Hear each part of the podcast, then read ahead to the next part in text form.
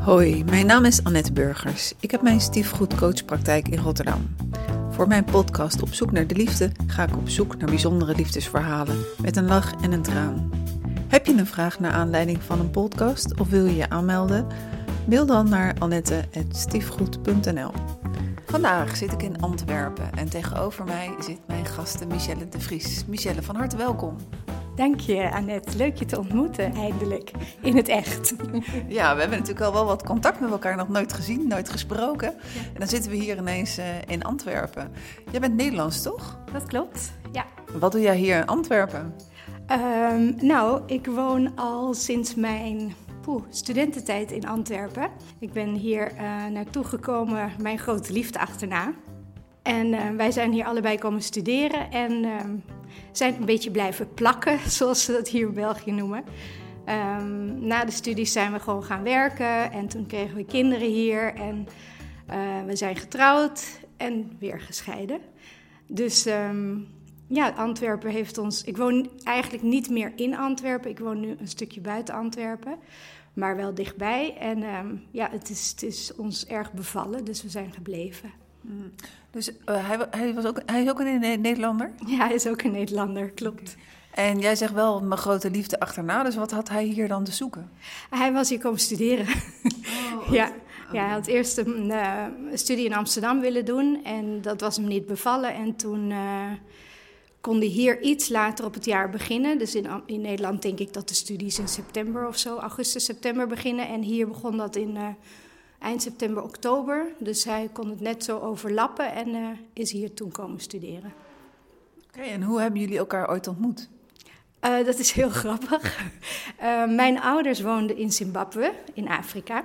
En um, mijn vader wisselde iedere vier jaar van baan, van plek.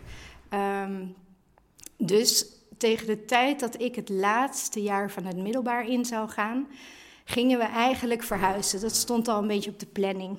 En ik wilde zelf niet mijn allerlaatste jaar ergens in een nieuw land doen, waar ik nog niet van wist hoe of wat. En waar ik dan opnieuw mensen moest leren kennen of moest wennen aan een nieuw schoolsysteem.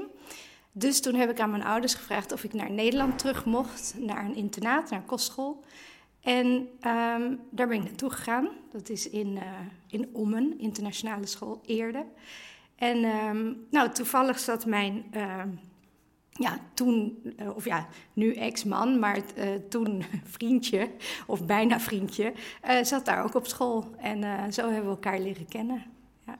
En was het liefde op het eerste gezicht? Ik denk het wel, ja. Het was heel snel, het was heel snel duidelijk dat we elkaar heel erg leuk vonden. En het is een, een hele passievolle relatie geweest. Dus grote, hoge pieken, diepe dalen. Ja. Wat vond je gelijk leuk aan hem? Nou, hij was alles wat ik niet was. Vertel. dus um, stoer en hij durfde dingen en hij was gewoon, uh, hij had een beetje uh, scheid aan de wereld. Ik weet niet of ik dat mag zeggen in een podcast, maar hij had een beetje scheid aan de wereld. En uh, ik kwam uit, uh, nou ja, wat ik net vertelde, Zimbabwe, waar ik op een christelijk of katholiek, zelfs meisjesschool zat. En uh, ja, bijna geïndoctrineerd was geweest met bijbelse verhalen over hoe je heel lief en ja, goed moest zijn. En ja, hij was een beetje de, de rebel, zeg maar. En ja, ik denk dat dat mij heel erg in hem aantrok. Dat hij alles durfde wat ik niet durfde. Hmm. Dus ja. Dus dat. En uh, je zei al uh, um, pieken en dalen. Ja. Uh, kan je er iets van meegeven? ja, ik denk dat we de twee jaar dat we samen op internaat gezeten hebben, was het aan, uit, aan, uit, aan, uit. Heel geregeld. Um, maar ja, het was ook, als het aan was, altijd heel erg leuk. En als het uit was, was het ook ja, goed uit. ja, echte pubers, denk ik. Um, dat is daarna, in de tijd daarna ietsje gestabiliseerd toen we studeerden. Maar we hebben altijd zo'n soort relatie gehad. En uh, toen de kinderen kwamen, werd dat wel iets minder. Toen uh, werd dat iets stabieler, denk ik. Um, maar het is, ik kan me nog herinneren dat we geprobeerd hebben op het moment dat we, dat we zagen dat het huwelijk niet helemaal meer goed liep. Dat we in therapie zijn gegaan en dat die meneer die ons toen begeleide niet begreep. Of althans, hij zei: Ja, er is nog zoveel passie dat ik me niet kan voorstellen dat jullie hier niet uitkomen. en, uh, maar goed, we zijn, er, we zijn er niet uitgekomen. Dus, uh, ja. Toen al niet, of zat daar veel tijd tussen?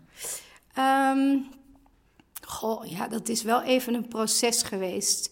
Ik denk heel eerlijk gezegd dat hij in ieder geval eerder heeft uh, besloten of, of voor zichzelf het, het hele verhaal heeft afgesloten dan ik. Ik heb nog heel lang gedacht, um, het gaat nog lukken om dit goed te krijgen. En ik denk dat voor hem meer het doel was, ik wil weer een goede relatie met elkaar krijgen, zodat we op die basis verder kunnen. Maar niet meer in een huwelijk. Wel als ouders van, of vrienden, of ja, mensen die elkaar heel goed kenden ondertussen. Ja. ja. Hoeveel jaar geleden is dit? Um, dit jaar wordt het alweer 14 jaar geleden dat we uit elkaar zijn gegaan. Ja. Ondanks die 14 jaar, kan je nog herinneren hoe dat voelde? Dat hij dan uiteindelijk, terwijl jij eigenlijk nog hoop had van we komen hier uit, um, dat hij dan komt met. Uh, weet je nog het moment trouwens? Ja, heel goed, heel goed. Het was een uh, zondagochtend en we zouden op bezoek gaan bij zijn oom en tante. En, uh, maar ik had, ik had de avond ervoor bij de verjaardag van een vriend, had ik, was ik erachter gekomen dat hij gevoelens had voor iemand anders. En um, dus ja, ik kan me nog heel goed herinneren. Ik denk dat niemand dat moment vergeet. Um, ja, de aarde zakt onder je vandaan en alles wat je dacht aan vast te kunnen houden was gewoon weg. Dus zo, ja, dat was. Uh, ik kan me nog herinneren dat ik. Uh, ook had gezegd, uh, luidop heb gezegd, dat is achteraf natuurlijk helemaal niet goed, maar tegen, de, tegen mijn oudste dochter, uh, dat ik niet meeging um, naar dat bezoekje. Uh, want papa had, had, mijn hart gebroken. En, en zij dacht, toch arme, dat mijn hart echt kapot was. dat is later wel helemaal uitgelegd en goed gekomen, gelukkig. Maar op dat moment was het, voelde dat echt zo, ja. ja. Mm. ja. En waar ga je dan doorheen? Wat, uh, hoe, hoe uh, want je zit hier voor me, je kan het goed vertellen, je, je straalt. Ik ja. zie dat er nog steeds iets, in ieder geval heel goed zit tussen jullie tweeën. maar waar ga je dan allemaal doorheen? Als je, net wat je net zegt, ja, de grond gaat onder je voeten weg. Ja, eerst denk je natuurlijk van, um, jeetje, en nu? Hè? Het hele gezin valt een beetje uit elkaar en ja, wat, wat dan? Wat gaat er nu gebeuren? Ik had op dat moment eigenlijk ook weinig vrienden of familie die uit elkaar waren gegaan. Dus ik had niet echt voorbeelden van hoe, dat, hoe andere mensen het hadden gedaan.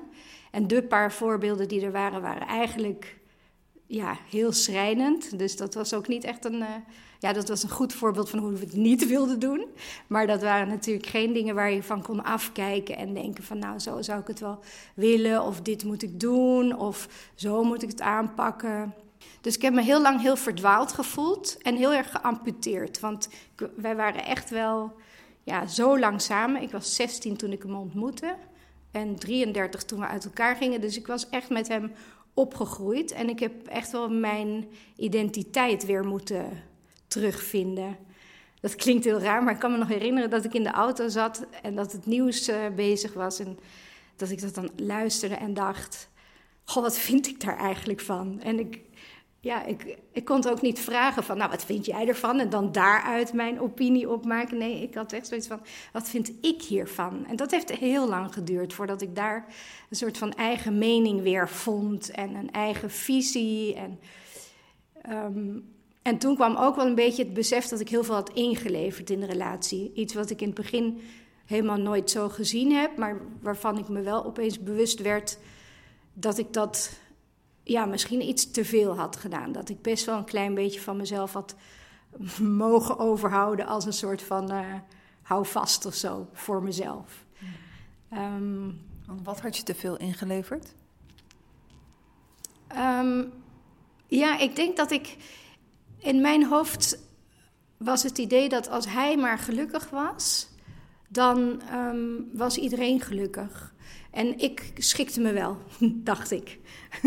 en um, dat heeft best wel lang gewerkt hoor. Maar tot het moment dat je beseft dat je daarmee iemand helemaal niet gelukkig uh, maakt. En dat trouwens überhaupt iemand anders gelukkig maken niet mogelijk is. Uh, maar dat ja, als jong, ik was natuurlijk best jong en heel naïef. Dus ik heb dat wel gedacht. Van als ik hem maar gelukkig maak of hou, dan zijn we allemaal gelukkig, want ik schik mij wel.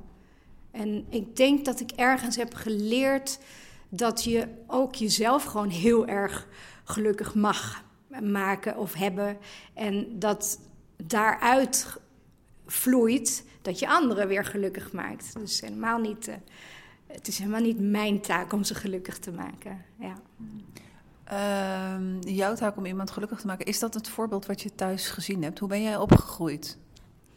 Um, dat is een hele moeilijke. Ik ben opgegroeid in het buitenland. We hebben heel veel gereisd, heel veel um, landen um, afgewisseld in mijn jeugd. Dat was enorm verrijkend, omdat we heel veel mensen en verschillende culturen hebben gezien. En uh, uh, dat, ja, dat is toch iets wat, wat je niet kan uitleggen, dat moet je toch meemaken.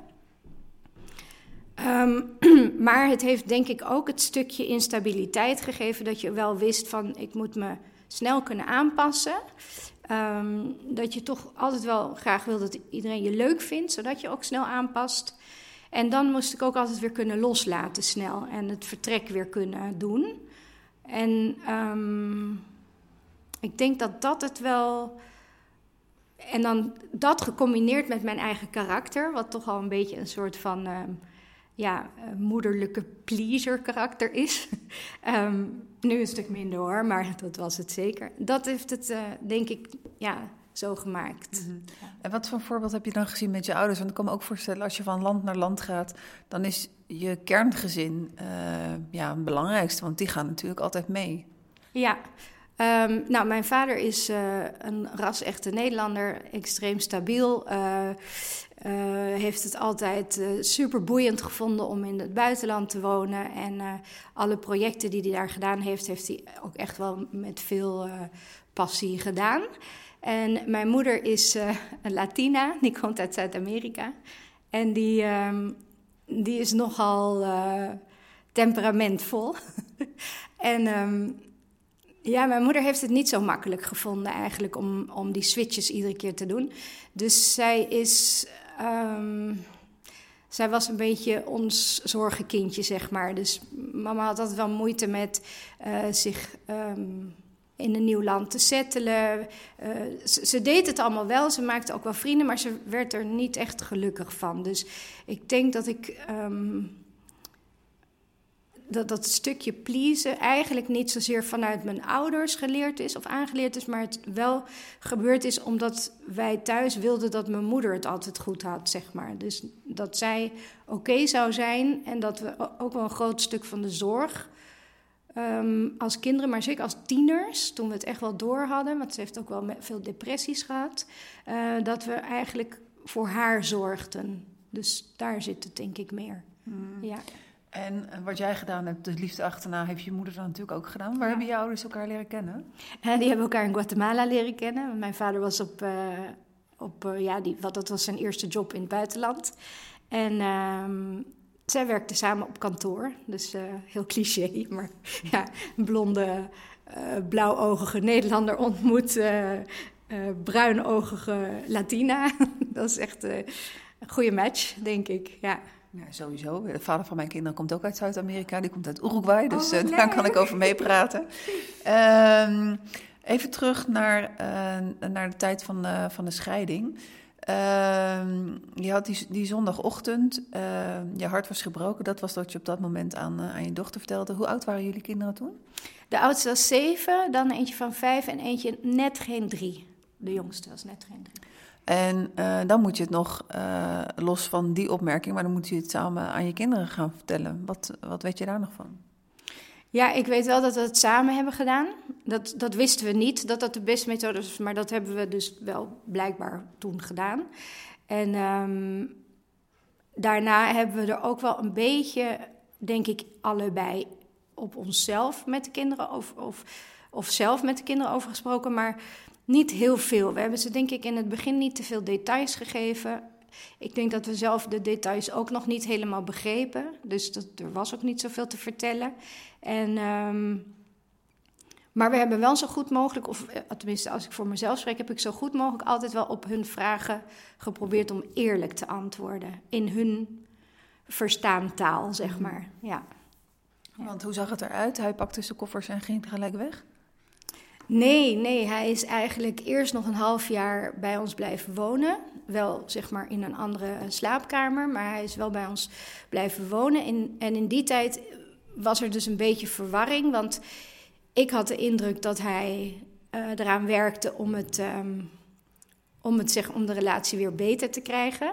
Dat deed hij ook, maar niet met hetzelfde doel. En, uh, ja, en ik dacht, oh, het gaat zoveel beter nu. Dat dit, dit, hier vinden we ons weg wel in. We hadden immers namelijk al zo vaak eerder een punt bereikt. Aan, uit, ja, precies. Dus ik, op zich was ik dat wel gewend. Maar van dit, van, uh, dit moment is het nooit meer, uh, is het niet meer goed gekomen. Niet, niet als partners, zeg maar. Gelukkig is het wel heel goed gekomen als uh, ouders van de kinderen, maar niet als partners. Kan je nog herinneren dat het al dat moment daar was op een gegeven moment van heel dat je, dacht, dat je dacht van Nee, nu besef ik dat het, dat het echt klaar is. Ja, maar dat heeft nog heel lang geduurd. Wij zijn dus niet gelijk gescheiden, zoals de meeste mensen. We hebben daar echt nog wel heel lang, zijn we uh, zeg maar voor, op papier getrouwd gebleven. En um, gek genoeg heeft dat een soort rust gegeven. Want uh, ik, wij mocht, ik mocht met de kinderen in het huis blijven wonen. Um, hij is uit huis gegaan, dus... Um, er veranderde heel weinig, behalve natuurlijk de giga-verandering dat hij weg was. Dat was al voor ons ontzettend uh, groot. En, maar de rest bleef gelukkig heel stabiel. En um, van daaruit, dat heeft zo'n veilig gevoel gegeven, denk ik, aan mij, maar ook aan de kinderen. Dat we daardoor ja, dat we daardoor op het moment dat we echt gingen scheiden, hè, dat, het, dat het werkelijk ging gebeuren, dat was denk ik zes jaar later pas of zo.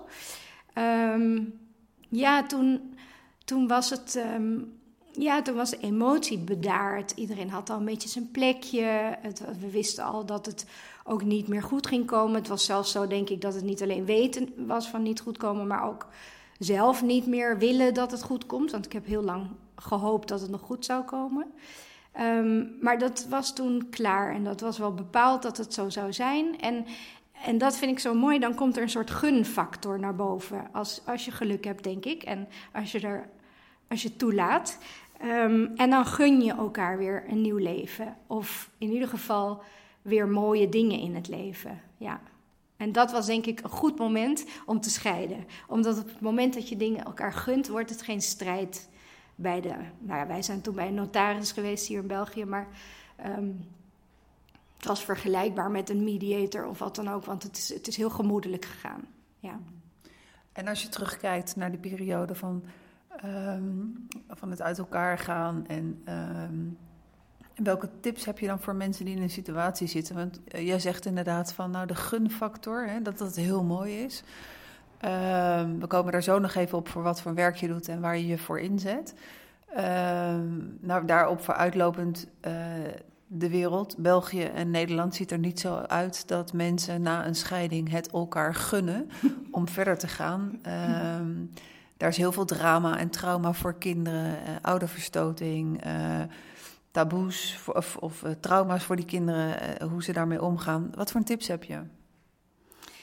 Ja, kijk, dat is echt een hele moeilijke, want dat is dan alsof iedereen hetzelfde is. En dat is natuurlijk niet zo. Iedereen is anders, iedereen heeft ook een andere um, relatie achter de rug.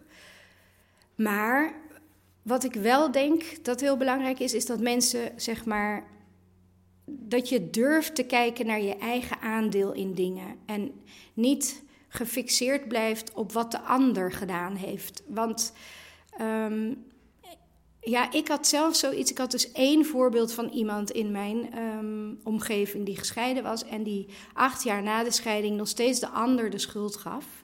En ik weet nog dat ik toen dacht: Oh, zo wil ik mijn leven echt niet invullen. Dat ik acht jaar, want toen was voor mij acht jaar later heel lang, heel veel later. Maar ik dacht dat ik dan acht jaar later nog steeds in mijn leven bezig ben met wat die ander mij heeft aangedaan. En ik dacht: daar is leven te kort voor. Daar is. Uh, ik wil. Ik, ik wil zelf uh, weer opnieuw iets kunnen oppakken en, en verder leven. Want ja, hoe, hoe veel ik ook gehouden heb van hè, de vader van mijn kinderen.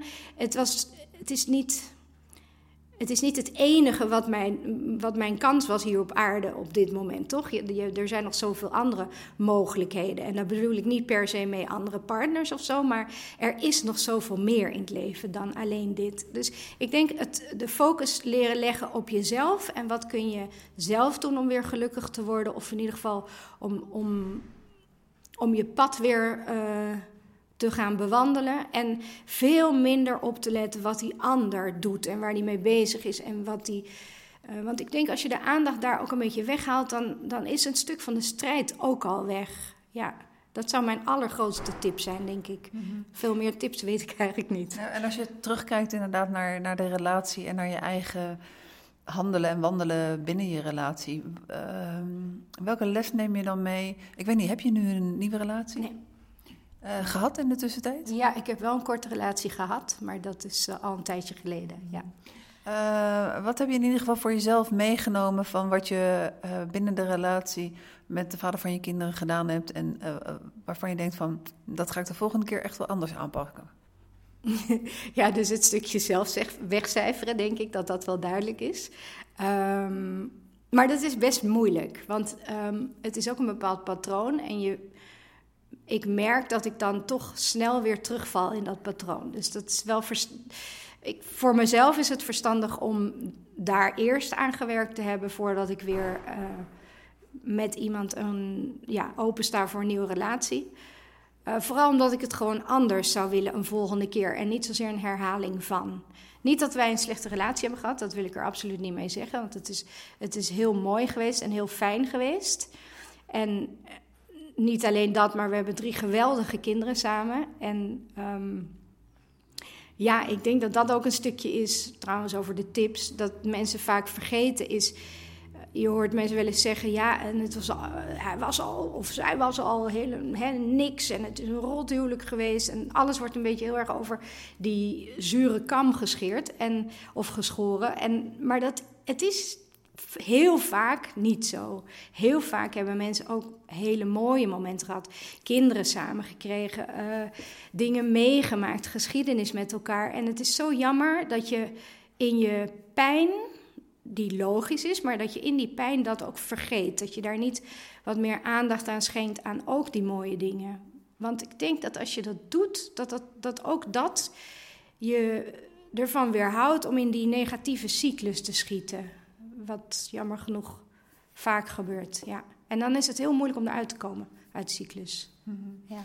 Uh, al jouw ervaring heeft toch een positief gevolg, hè? want je bent uh, Mies Magazine uh, begonnen. Wat is het en welk doel heb je? Ja, dus um, dat is zeker heel leuk. we gaan dit jaar het vijfde jaar in. Um, ik weet nog dat ik zelf in de, toen ik zelf ja, eigenlijk een beetje in de uit elkaar gaan tijd zat, maar ook naar de scheiding toe, vond ik dat er heel weinig informatie was online. Um, en dat miste ik. Dus ik zat wel op een paar sites in Amerika en zo, waar ik dan nog een beetje met lotgenoten kon uh, chatten en zo. En daar heb ik best wel wat hechte ja, vriendschappen of banden mee gelegd. Dat was heel fijn. Zeker omdat ik dat niet om mij heen had. Um, dus toen ik zelf vond van nou, ik ben er eigenlijk wel klaar voor om dit. Um, om hier normaal over te praten. Dat heeft best wel even geduurd. En mijn verhaal is oké. Daar hoef ik niet per se meer over, heel veel over te zeggen. Uh, toen dacht ik, nou, hoe, hoe leuk zou het zijn of hoe fijn zou het zijn voor anderen als ze de verhalen van anderen zouden kunnen lezen. Dus ik bedacht toen, ik uh, werkte in die tijd voor Linda, uh, lindanieuws.nl. En daar schreven we voor. En uh, ik dacht, ja, dit, dit is wel leuk, zo'n platform. Dat kan ik eigenlijk misschien ook wel opzetten, in het klein natuurlijk. En ja, toen dacht ik, als ik nou de verhalen van, als ik bloggers laat vertellen over hun verhalen en andere mensen lezen dat en probeer erop te letten dat, men, dat je de positieve toon kan aanslaan, zodat mensen zien dat, er, dat die mogelijkheden er zijn. Wie weet hè, kunnen we mensen een hart onder de riem steken en wie weet help je iemand verder die het heel moeilijk heeft. Dus um, nou, zo begon het ook in eerste instantie met een heleboel bloggers die heel graag hun verhaal wilden vertellen. En het werd gelezen. En uh, tot mijn grote verbazing, want daar had ik niet op gerekend, maar het was ook wel heel fijn, um, kwamen de professionals in Nederland erop af. En die zagen dat ook wel natuurlijk als een plek om hun kennis te kunnen delen over wat ze zelf meemaken. Uh, tips, adviezen te kunnen geven aan mensen over hoe, het, hoe ze het anders uh, zouden kunnen doen. Of uh, soms wel beter. Um, en dus met die partners is het eigenlijk voor mij mogelijk geworden om Mies um, levende te houden. Want het werd heel druk. Een hobby was opeens best wel een fulltime job geworden. En um, zij betalen eigenlijk een bijdrage. Het is uh, geen gigabedrag, maar zij betalen een bijdrage om in ieder geval hun content te kunnen delen. Um, en de bedoeling is wel dat de content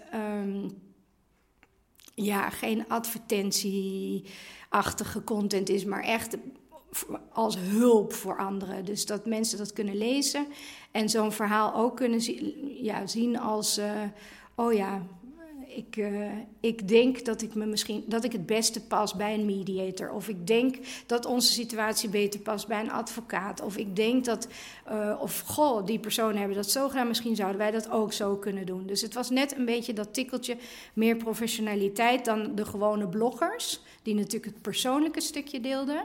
En hier was natuurlijk een stukje, ja, wat en nu en hoe verder. Dat, uh, dus die combinatie daarvan die zie je bij uh, Mies. En dat, is, uh, dat werkt heel leuk, al heel lang. Ja. En dan zit je in, in België. Richt je op België en Nederland? Ja, eigenlijk allebei.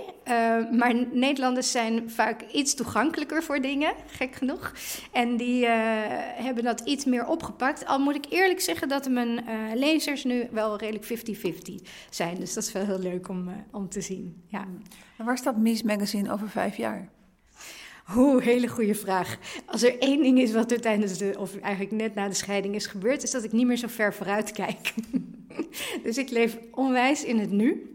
En ik richt me ook echt op het nu. En uh, dus ik kan geen antwoord geven op je vraag. Mm. Ik heb geen idee.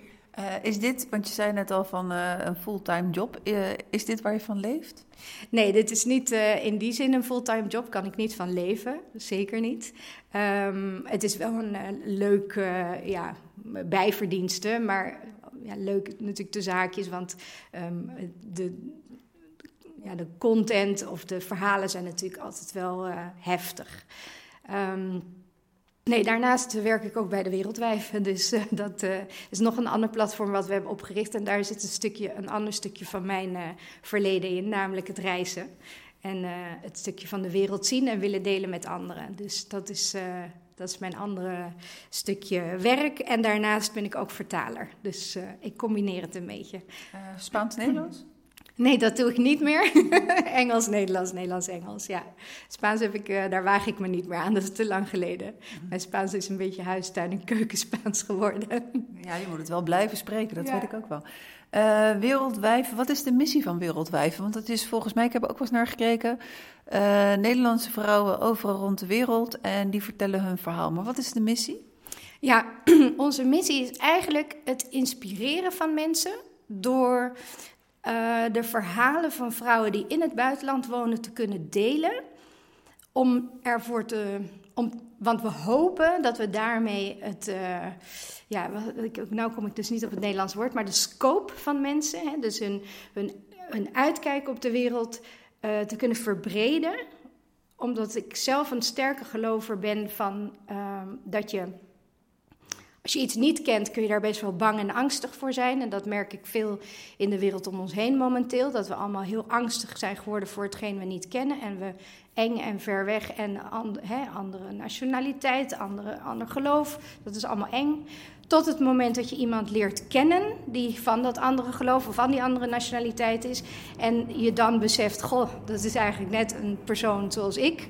En die doet misschien dit een klein tikkeltje anders of dat een klein tikkeltje anders. Maar in de basis zijn we eigenlijk gewoon mensen.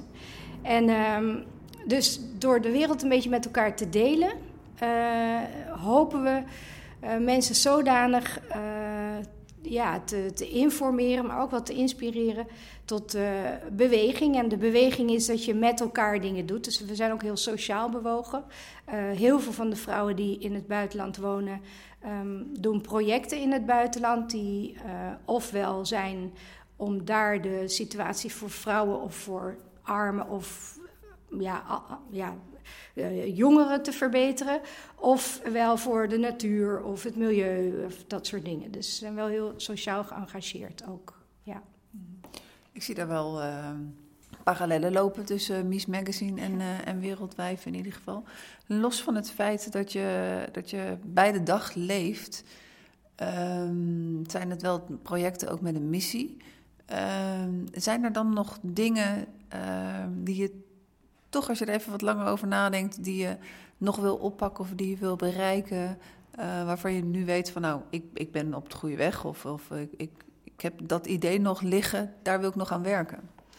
Um, ja, het is, ik heb al wel heel veel gedaan, vind ik. Althans, dat vind ik vaak niet, maar als ik terugkijk, dan zie ik het wel.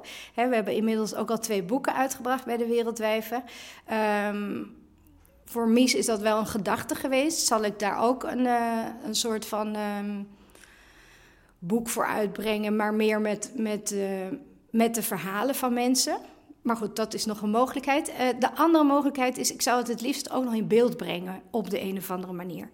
Um, beeld werkt vaak nog veel beter bij mensen. En ja, en ja, we kijken ook graag naar elkaar en naar anderen, toch? Dus dat uh, denk ik altijd, dat is misschien nog wel weer nog een andere dimensie dan alleen maar lezen.